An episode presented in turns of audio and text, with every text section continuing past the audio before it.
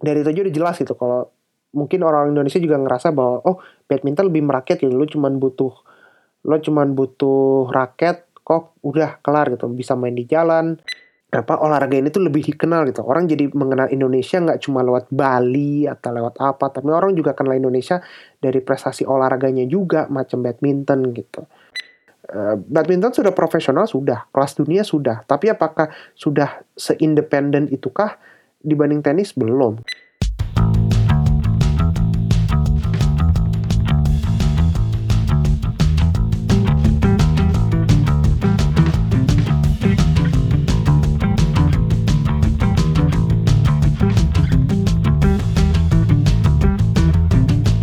Kembali di podcast Tepak Bulu episode ke-6 tanggal 26 November 2018. Apa kabar semuanya? Semoga hari Senin yang menyenangkan. Gimana minggu kemarin kalian habis nonton Shed Modi Internasional di India? Um, jujur aja gue minggu kemarin cuma nonton final doang, itu pun cuma nonton yang Indonesia doang karena gue agak sedikit sibuk dengan urusan tes bahasa Inggris terutama IELTS segala macem. Gue lagi persiapan juga. Terus lagi kayak beres-beres rumah mau liburan. Jadi kayaknya maaf kalau misalnya Twitter juga emang lagi kurang aktif karena ya sibuk maklum lah orang-orang pengacara alias pengangguran tanpa acara. Ya gini lah. Aduh maaf ya. Um, episode kali ini jujur aja sebenarnya gue agak spontan sih karena gue nggak terlalu nyiapin banyak catatan atau apa. Dan aduh kemarin gue minggu kemarin sih lebih tepatnya udah ngirim email ke badminton ngomongin soal Guangzhou uh, World Tour Final sebentar tapi mungkin mereka belum baca atau mereka emang nggak baca email entahlah gitu. Jadi ya mungkin nanti gue coba sampaikan lagi di Twitter. Atau mungkin bagi kalian dengerin ini dimention aja gitu. Tolong cek email gitu. Siapa tahu ada minat untuk rekaman atau apa gitu. Ya ya udah uh, sebelum ke topik utama ada baiknya kita rekap dulu. Kayaknya gue mau rekap dua perta dua turnamen sih. Cuman yang gue tonton dari 10 pertandingan hanya tiga yang gue tonton. Mungkin kayak harus gue nonton balik ininya sih ntar abis rekaman ini.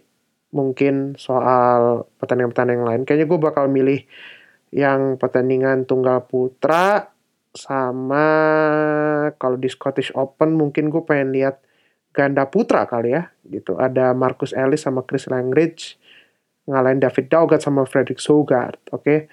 Ya, kita langsung masuk ke segmen pertama.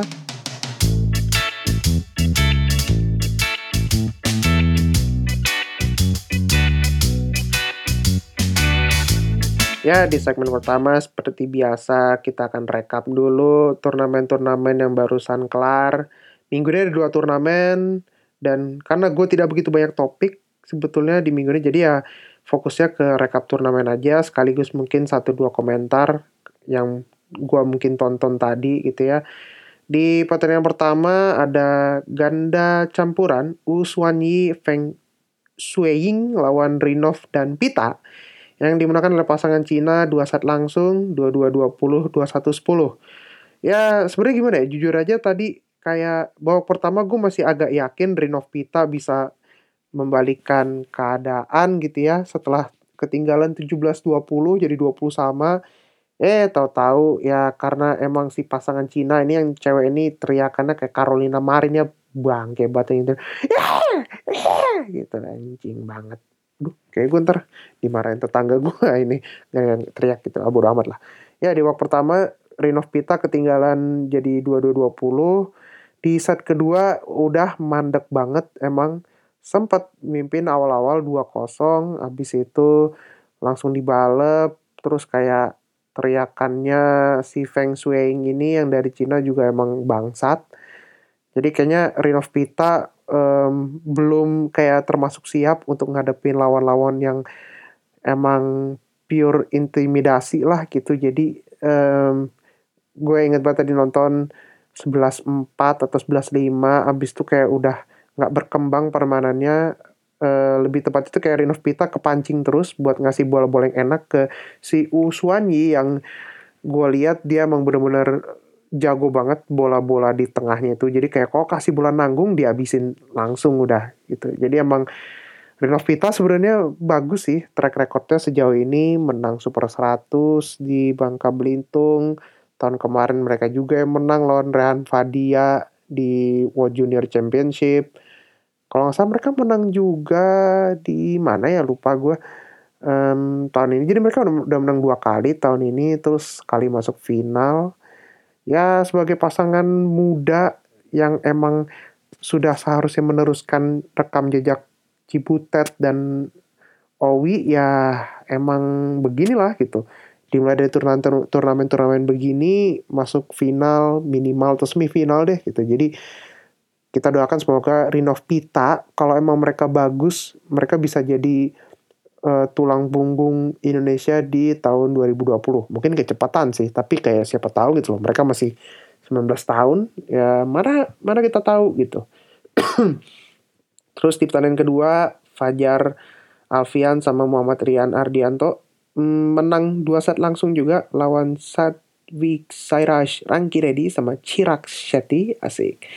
Itu dua set langsung, 21-11, 22-20 saat pertama sebenarnya sih bisa dibilang nyaman banget gitu ya. Fajarian tuh yang kayak benar-benar penempatan bolanya bagus, abis itu um, apa nggak nggak banyak kesalahan-kesalahan berarti lah gitu di babak pertama yang yang bikin apa ya yang bikin mereka jadi kesusahan buat ngembalin bola atau apa gitu tambah lagi juga um, lebih tepatnya pasangan India kayak nggak berkutik sama sekali. Fajar Rian benar-benar cepet banget di depan terutama um, Rian kalau nggak salah di depan tuh dia kayak bagus aja gitu pintar juga bloknya tak tak tak gitu. Tapi di saat kedua kita sempat kayak deg-degan soalnya India sempat 4-0 di awal habis itu sempat dibales sampai kayak sama kedudukan 8-8 kalau nggak salah. Habis itu interval India yang mimpin 11-10 terus abis itu kayak bener-bener gimana ya kayak lebih tepatnya pasangan India di babak kedua jauh lebih baik lah dibanding Fajarian bisa dibilang. Um, cuman karena emang kayaknya mental sih ya uh, permainan mental Fajar Fajarian tuh bagus banget di saat kedua. Sempat ketinggalan 18-20 wah langsung dibalas di 22-20 kayak buat gue sih itu termasuk emang apa ya um, penampilan bukan penampilan terbaik tapi lebih tepatnya kayak penampilan yang sudah sah sepantasnya gitu mereka tunjukkan di level-level atas ini. Bahkan level super 300 ini harusnya mereka wajib menang gitu. Secara mereka Asian Games masuk final lawannya Minions. Tiga set lagi kayak harusnya sih super 300 kalau mereka ikut sapu bersih. Ya tapi ya oke okay lah gitu. Mereka juga unggulan kedua dan ngelawan unggulan ke-8 dan ya dan menurut gue pertandingan tadi ganda putra emang termasuk menarik sih itu. Cuman abis itu gue tadi kayak nonton bentar doang Han Yue lawan Saina Newal. Kalau dilihat dari skornya entah Saina Newal yang emang um, udah umur kah atau emang dia struggling di final kah macam kayak Pusala Venkata Sindu yang kalau masuk final alergi terus gue juga kurang tahu nanti bisa gue tonton. Terus ada Chao Mekwan Lee Mengyan lawan Ashwini Ponapa sama uh, Siki Reddy menang juga dua set langsung. Habis itu di ganda putra akhirnya tuan rumah ada yang menang juga Samir Verma lawan Lu Guangzhou. 16-21, 21-19, 21-14. Ya, jadi emang Eh, lebih Cina merebut dua gelar di Super 300 ini, Indonesia satu gelar sama satu runner up. India sementara itu punya tiga runner up dan satu juara, lalu kemudian ada Malaysia dengan satu gelar di sini. Ya, berlanjut ke Scottish Open atau Skotlandia terbuka di pertandingan pertama gue sempat nonton ini jadi Leo Haicha lawan Sun Face yang itu 2117 2020 Liu Hai Chao ini kalau nggak salah dia dari kualifikasi atau apa gue lupa pokoknya sempat dibilang sama komentatornya Dan permainannya dari kedua pemain Cina ini jujur aja kayak cepet. Tipikal pemain pemain muda sih yang emang kadang masih suka ada kesalahan sendiri. Um, terus kemudian juga bola-bolanya cepet. Dan Liu Haichao ini lincah banget. Bisa dibilang dia tuh kayak tipikal-tipikal Ihsan lah yang punya yang eksplosif, yang space-nya keras dan kayaknya lebih mateng sih dibanding Ihsan. Cuman ya karena masih muda jadi wajar sih. Kita bakal lihat Liu Haichao sama Sun Feisiang ini di tahun-tahun berikutnya. Mungkin mereka bisa jadi kayak penerusnya si Uchi mungkin karena sebenarnya kalau ngelihat dari apa namanya ngelihat dari gena penerusnya Lindan atau bahkan Chenlong pun ya Cina masih lumayan lah punya lah mereka paling nggak.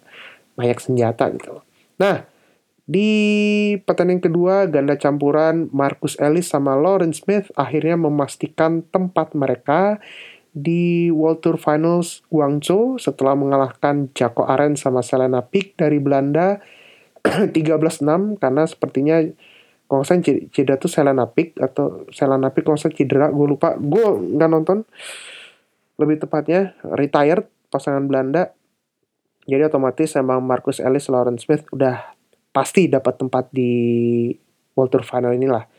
Kemudian Gabriela Stoeva sama Stefani Stoeva mendapatkan gelar mereka kembali di turnamen ini. Kalau nggak salah udah gelar keempat tahun ini apa ya? Mereka menang European Championship, mereka juga menang di Jerman kemarin, mereka juga hari ini menang lagi di Scotland. Sama kalau nggak salah kemarin di Kanada apa di US gue lupa mereka menang juga. Ya 2116 219 melawan pasangan Perancis Emil Level dan Anetran kemudian di gan di tunggal putri ada Kirsi Gilmour.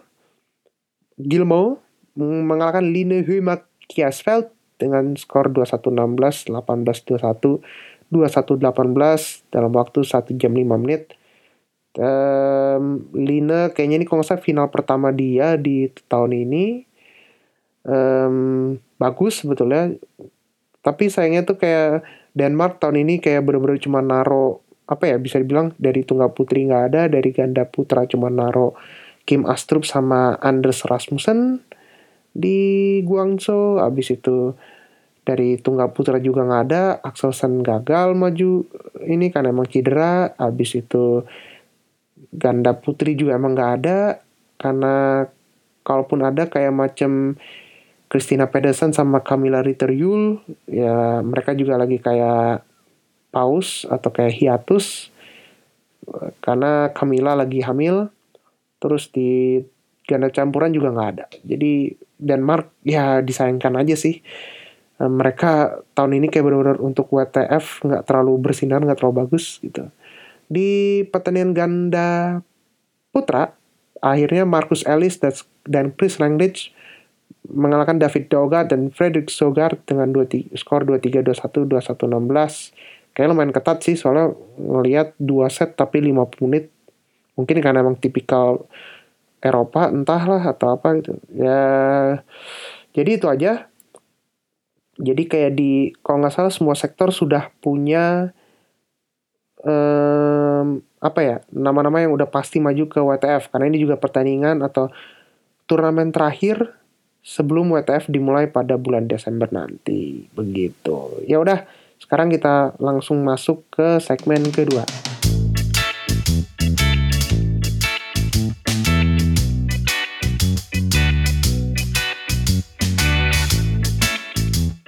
Di segmen kedua hari ini sebenarnya gue mungkin akan apa ya lebih tepatnya punya pilot project. Ini sepertinya mungkin gue akan ngadain sekitar, aduh sorry, sekitar dua atau tiga minggu sekali. Um, ini lebih ke opini gue, opini pribadi soal badminton itu sendiri sebenarnya. Seperti yang kalian mungkin udah pernah dengerin di episode pertama atau mungkin di awal-awal, bagaimana gue bisa kenal um, olahraga badminton ini jadi tuh sebenarnya gue cuman pengen ngebandingin olahraga ini dengan tenis yang dari segi popularitas gitu. Jujur aja sebenarnya kalau kalian tanya orang-orang um, terutama masyarakat dunia gitu ya mana yang mereka tahu antara bulu tangkis atau tenis, mereka pasti lebih tahu tenis gitu. Karena kenapa? Karena di tenis mereka pasti minimal kenal pemain-pemain besarnya. Roger Federer, Rafael Nadal, yang di cewek Serena sama Venus Williams atau Williams bersaudara, ada Victoria Azarenka, ada Maria Sharapova, ada kemudian macam Anna Ivanovic, terus ada kayak siapa lagi ya? Kalau yang udah legend-legendnya gitu, oh ada banyak deh pokoknya. Ada kayak Martina Navratilova, ada kemudian macam Billie Jean King, terus ada Margaret Court, uh, di cewek, yang di laki juga udah pasti ada Rod Leva, terus ada macam kayak Boris Becker, uh, dan lain-lain lah. Pokoknya intinya tenis tuh dari segi apa namanya dari segi bagaimana mereka menyebar ke seluruh dunia itu udah kayak merata gitu loh. Artinya semua orang pasti tahu tenis tuh apa terus bagaimana mainnya gitu. Mungkin orang kayak masih bingung kayak sistem scoring yang dari 15 30 40 terus game atau apalah gitu yang mungkin mereka kurang ngerti. Tapi pasti kalau ditanya lebih tahu tenis apa badminton orang-orang pasti lebih tahu tenis gitu. Sementara badminton di satu sisi um, buat gua sendiri sebenarnya olahraga ini cukup dikenal di dunia. Tetapi olahraga ini lebih terkenal jauh-jauh lebih terkenal di Asia, terutama di Cina, Indonesia, Malaysia, Jepang, Korea, ya, India. Terus kemudian ya udah itu aja sih yang setahu gua tuh olahraga badminton ini lebih apa ya lebih kayak digemari dibanding olah dibanding tenis gitu.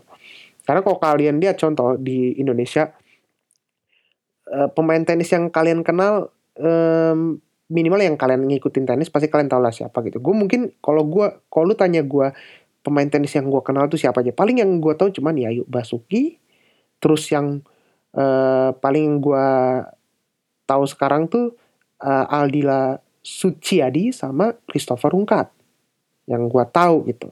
Christopher Ongkat kayaknya udah lumayan lama dikenal gitu, tapi dia kalau nggak salah rankingnya ranking berapa gue lupa gitu. Pokoknya intinya um, ya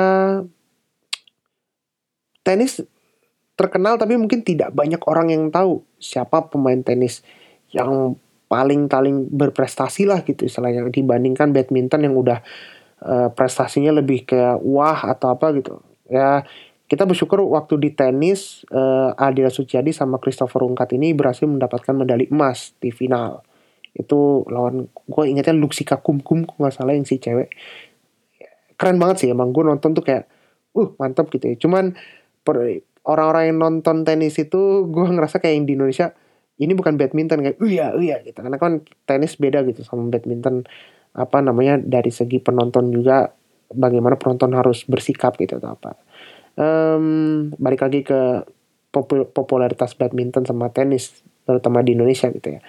Sementara kok kalian lihat um, apa badminton sendiri itu mungkin kalian yang udah kenal banget atau bahkan kalian dari dulu main badminton dari kecil kalian pasti udah kenal nama-nama Rudi Hartono, Christian Hadinata, ada Susi Susanti, Alan Budi Kusuma, Chandra Wijaya, um, terus ada Eh, Chandra Gunawan, Chandra Gunawan atau ya gue lupa pokoknya namanya. Terus ada Hendrawan, ada Taufik Hidayat, ada Heri Iman Ngadi, ada kemudian uh, Aryono Miranat, terus ada kemudian Minarti Timur, ada kemudian Maria Febe Christine, ada kemudian uh, Linda Weni Vanetri, oh macam-macam. Pasti kalian kalian bisa sebutin lah pemain-pemain Indonesia yang dari tahun sekian sampai tahun sekian pasti kalian lebih tahu dibanding gue lah gitu istilahnya. Gue aja kadang masih suka lihat oh ini dulu di sini oh ini dulu di sini gitu. Yang maklum lah. Um, dari itu aja udah jelas gitu kalau mungkin orang Indonesia juga ngerasa bahwa oh badminton lebih merakyat gitu lo cuman butuh lo cuman butuh raket kok udah kelar gitu. Bisa main di jalan netnya bisa bikin sendiri dibandingkan kalau main tenis mesti sewa lapangan terus harus luasnya begini begini begini ya ribet gitu wajar sih gitu. Jadi itulah sebabnya mungkin karena um, ke akses karena ke, akses ke olahraga itu sendiri jauh lebih gampang dibandingkan tenis. Makanya olahraga ini lebih dikenal dibandingkan di negara-negara lain di luar Asia gitu. Kecuali Denmark yang gue tahu um, selain handball selain sepak bola badminton juga digemarin sama orang-orang mereka gitu. Jadi sebenarnya gini loh kalau ditanya apa sih yang ngebuat kita tuh bener-bener kayak cinta banget gitu loh sama olahraga ini sampai-sampai kita ngerasa bahwa wah badminton ini harus dikenal gitu loh. Eh, karena biar kita tahu um, apa bahwa biar olahraga ini nggak kalah pamor juga gitu maksud gue ya karena itu tadi kita udah bangga dengan prestasi kita udah bangga dengan legenda-legenda kita terus juga kita uh, emang ya kalau bisa dibilang prestasi kita sebenarnya kita lebih punya taring di situ lah meskipun banyak orang yang kayak meragukan ah enggak ah cuma minions dong yang juara ah enggak ah itu itu lagi yang juara mana Indonesia? Kalau tim nggak pernah uh, juara atau paling cuma masuk semifinal doang eh asal kalian tahu ya masih syukur tuh Indonesia nyumbang emas di setiap kejuaraan yang mereka ikutin paling enggak atau bahkan kalau ada kejuaraan pun pasti Indonesia selalu ada yang juara gitu. Pikir pikir kalau kata Desta gitu. Pikir gitu. Lu pikir gampang apa atlet-atlet ini uh, latihan terus udah juara gitu ya? Enggak lah gitu. Mereka latihan keras mereka latihan uh, usahanya yang kayak bener-bener apa yang namanya kayak siapa sih yang nggak mau menang gitu? Nggak ada kan yang nggak mau yang nggak ada kan orang yang mau kalah gitu. Pasti orang semuanya mau menang kan gitu ya aduh jadinya ke mana-mana nih kayak ngomongin soal menang kalah gitu. Tapi pada intinya bahwa um, apa karena kebanggaan kita terhadap olahraga ini maka kita merasa bahwa olahraga ini dikenal dunia. Gitu. padahal yang sebenarnya kalau gue pikir olahraga badminton ini sebenarnya pamornya masih kalah jauh. Coba kalian sekarang gini bandingin dari sisi hadiah total yang udah diraih sama pemain tenis maupun sama pemain badminton kalah jauh. Contohnya gini deh, Kevin misalnya. Kevin sama Gideon kan kemarin barusan uh, dinobatkan sebagai pasangan satu juta dolar, ya kan? Nah, tapi satu juta dolar di tenis tuh udah, ya elah, bos. Kalau lu menang satu Grand Slam tuh udah kelar gitu. Udah dapet tuh satu juta dolar, ah elah satu Grand Slam kelar. Atau kayak kalian misalnya kalau di tenis, kalau kalian tahu udah Premier seribu atau kayak WTA seribu misalnya di cewek udah dapat sejuta gitu. Belum dari sponsor belum dari apa gitu. Jadi kayak emang uh, mulai dari popularitas kemudian uh, jumlah hadiah yang diterima sama orang-orang apresiasi orang-orang juga uh, udah beda gitu. Terus juga ditambah lagi bedanya adalah tenis tuh sudah lebih kayak full profesional gitu. Artinya setiap pemain tuh udah kayak nggak terikat Eh, kayak terikat dengan federasi gitu artinya maksud gue begini kayak setiap turnamen harus ada federasi dari suatu negara ini ngirimin pemain dengan list ini. Enggak satu pemain tuh udah kayak udah per, ada personalisasi sendiri gitu. Mereka punya pelatih sendiri mereka punya program sendiri mereka punya jadwal sendiri mereka mau ikut yang mana sendiri terserah gitu. Beda dengan badminton yang strukturnya tuh masih ke di bawah naungan sebuah federasi di negara itu kayak Indonesia di bawah PBSI berarti artinya setiap ada turnamen yang ngeluarin listnya ada PBSI bukan uh, eh, PBSI dulu baru nanti BWF yang meresmikan siapa yang ikut siapa yang ikut gitu. Beda dengan tenis gitu.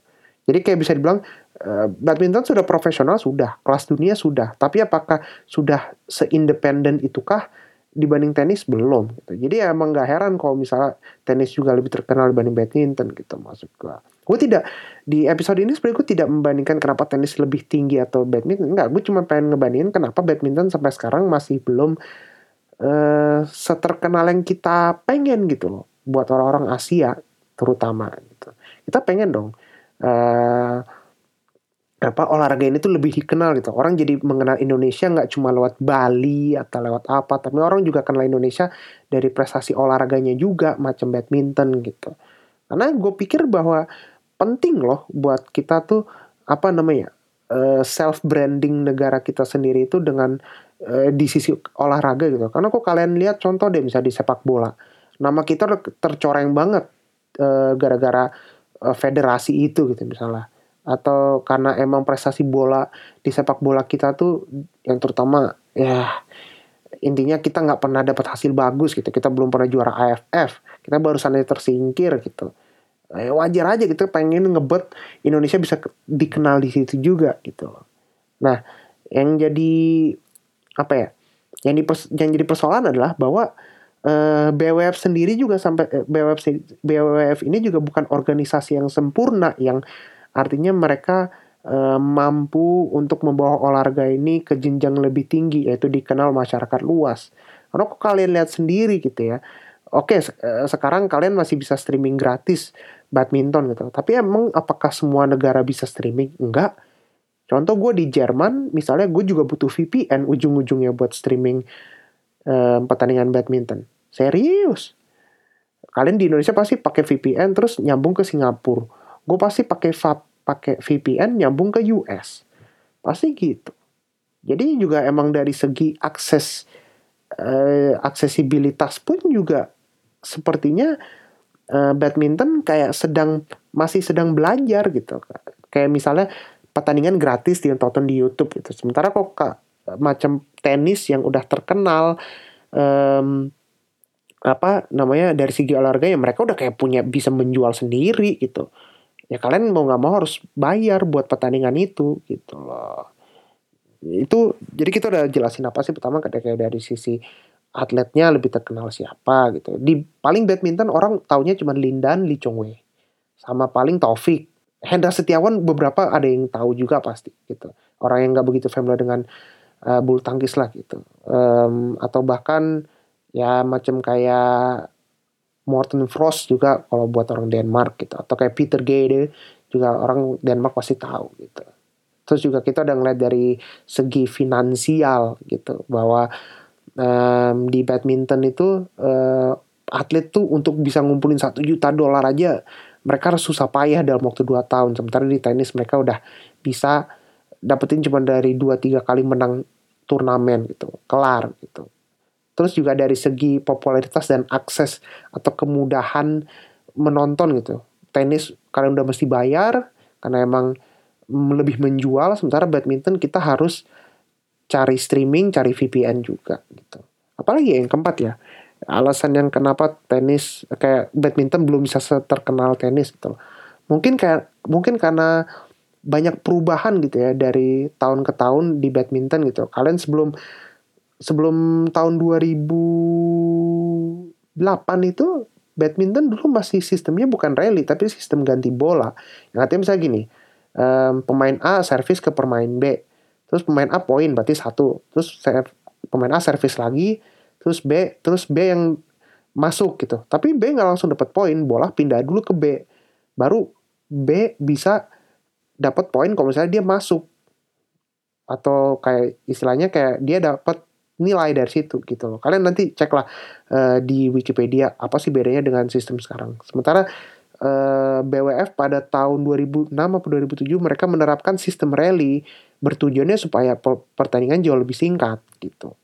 Terus juga sistem yang berubah, terus kayak juga peraturan-peraturan yang sering berubah, terus kemudian juga apa ya kayak transparansinya masih belum setransparan tenis gitu kan. Artinya kayak contoh ya misalnya di tenis peraturan itu itu aja gitu artinya kayak ya um, setiap pemain uh, dapat angka apa dapat angka 15 30 40 terus game udah selalu begitu terus satu set sampai 6 skornya terus kalau misalnya um, ada 6 sama skornya berarti tie break gitu. Udah kayak gitu. Jadi peraturannya udah pasti um, itu itu aja gitu. Paling cuma berbeda kalau misalnya di Grand Slam atau apa gitu lah kalian bisa cek sendiri gitu.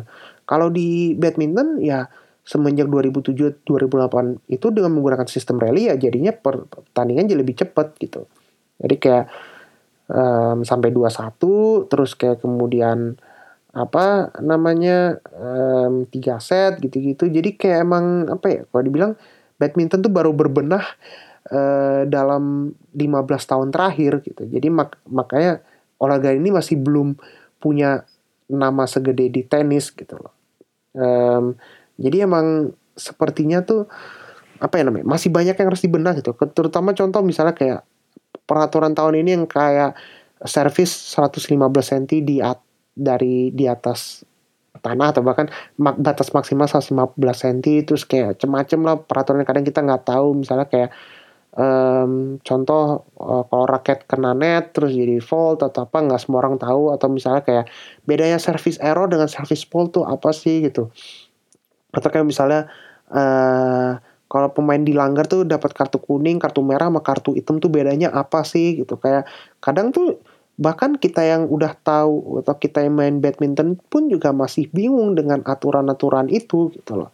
Jadi kadang emang um, gimana ya, dengan banyaknya perubahan pada organisasi atau perubahan struktur dari uh, dari suatu permainan permainan itu sendirilah yang kadang bikin kita jadi ya uh, mau nggak mau gimana ya badminton harus begini-gini gitu harus gini-gini. Terus kayak bahkan ketika kita main pun juga ya um, kalau skornya ganjil di kiri ya skornya genap di kanan ya terus harus nyilang gini ya bla bla bla terus kayak uh, ya macam-macam lah pokoknya intinya kayak wah ribet ribet ribet. Jadi kayak wajar aja kalau badminton belum terkenal tenis gitu.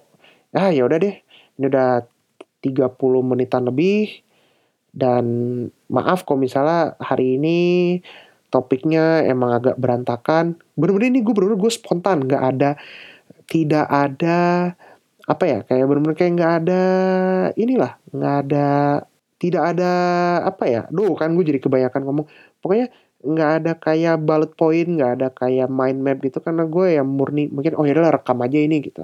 Terus gue mungkin juga belum edit malam ini gue mungkin baru edit besok pas di jalan atau apa gitu loh.